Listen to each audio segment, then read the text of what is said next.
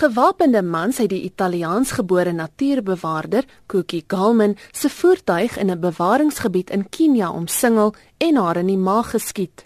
Verlede maand het beeswagters glo Galman se safari lodge aan die brand gesteek. Sy is nog in die intensiewe sorgeenheid. Die aanval op Galman vind plaas te midde van 'n reeks gewelddadige skermutselings in die gebied. Nog so 'n aanval is die moord op 'n man op 'n beesplaas in sentraal Kenia. Die aanvallers was vermoedelik gewapende veewagters. Die Suid-Afrikaansgebore Brit, Tristan Voorspay, is dood aangetref na hy ondersoek gaan instel het na die skade wat plunderaars aangerig het. Talle ander aanvalle is ook die afgelope ruk aangemeld in die droogte getuisterde Laikipia streek wat die lewens van ten minste 12 mense geëis het.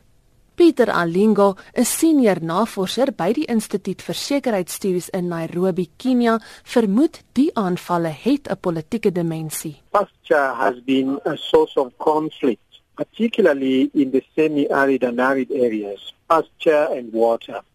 But uh, what we see also happening in the context of the conflict that uh, you see now is that um, this has been a perennial problem, but the manner in which it is happening now seems to suggest that there is uh, some politicization of the problem.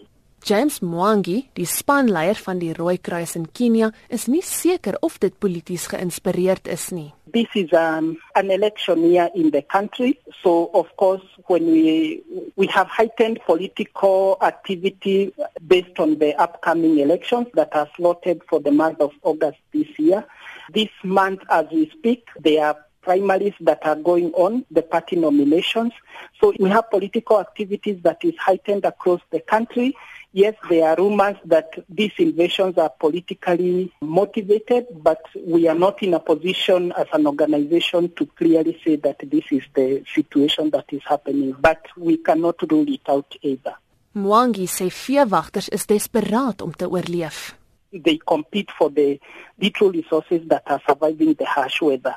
So what is happening now is that with those migratory patterns, those areas that have served in the past as pasture reserve areas did not also have sufficient rains and therefore they have not functioned well to cushion these farmers. So as a result, then we have seen people moving from their traditional uh, herding areas into people's farms and also into into ranches. Volgens Mwangi veroorsaak dit intense konflik tussen privaat eienaars van plase en die veewagters for them to be able to access these ranches because they are fenced off and they are security, sometimes they have to use horses. So the conflict between communities often occur, but I think on a large scale, this is the first time that we are seeing this kind of invasions that are happening in private farms and in private ranches. Volgens Pieter Alingo van Kenia se Instituut vir Sekuriteitsstudies is daar Keniane wat sê grond moet slegs aan inwoners van Kenia behoort. Some politicians, particularly in the arid and semi-arid areas, appear to be using uh, natural disaster, famine and drought as a way of trying to settle scores with all British farmers that still remain in Kenya, the British ranchers. And there has been quite a lot of issues around ownership of land as well, particularly in the Rift Valley, where huge chunks of land still remain in the hands of Europeans who are doing ranching.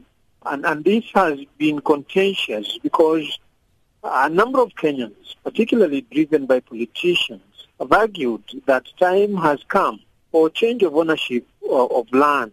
Hy sê daar moet streng opgetree word.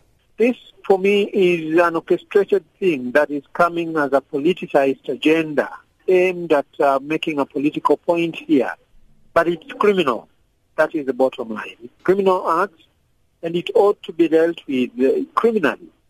And uh, we've seen a few occasions where the Kenyan security agencies and law enforcement agencies have come in to enforce the rule of law and, and, and public order to really make the point that those who instigate or politically incite uh, communities to uh, encroach uh, private lands and, and ban and destroy property are criminally liable. Volgens Alingo moet die regering dit aan gemeenskappe duidelik maak dat Kenia 'n demokratiese land is wat binne 'n grondwetlike raamwerk funksioneer. I think the idea here is to make communities around those areas understand that look, these are private lands, right? And if they have to look for pasture, graze their cattle in those lands, they have to have private arrangements and negotiations with the owners of these lands. That is how the rule of law works. Hy sê indien dit nie binnekort reën nie, kan die omstandighede versleg. There's been some uh, little rain being experienced in certain parts of Kenya and hopefully the situation will change. But if it doesn't, then it means that things will get worse. But I think that an arrangement could be worked out that can enable coexistence between the owners of the rangelands and the communities that are mostly affected. Dit was Pieter Alingo, 'n senior navorser by die Instituut vir Sekuriteitsstudies in Nairobi, Kenia. Ek is Dianke Nel vir SAK nuus.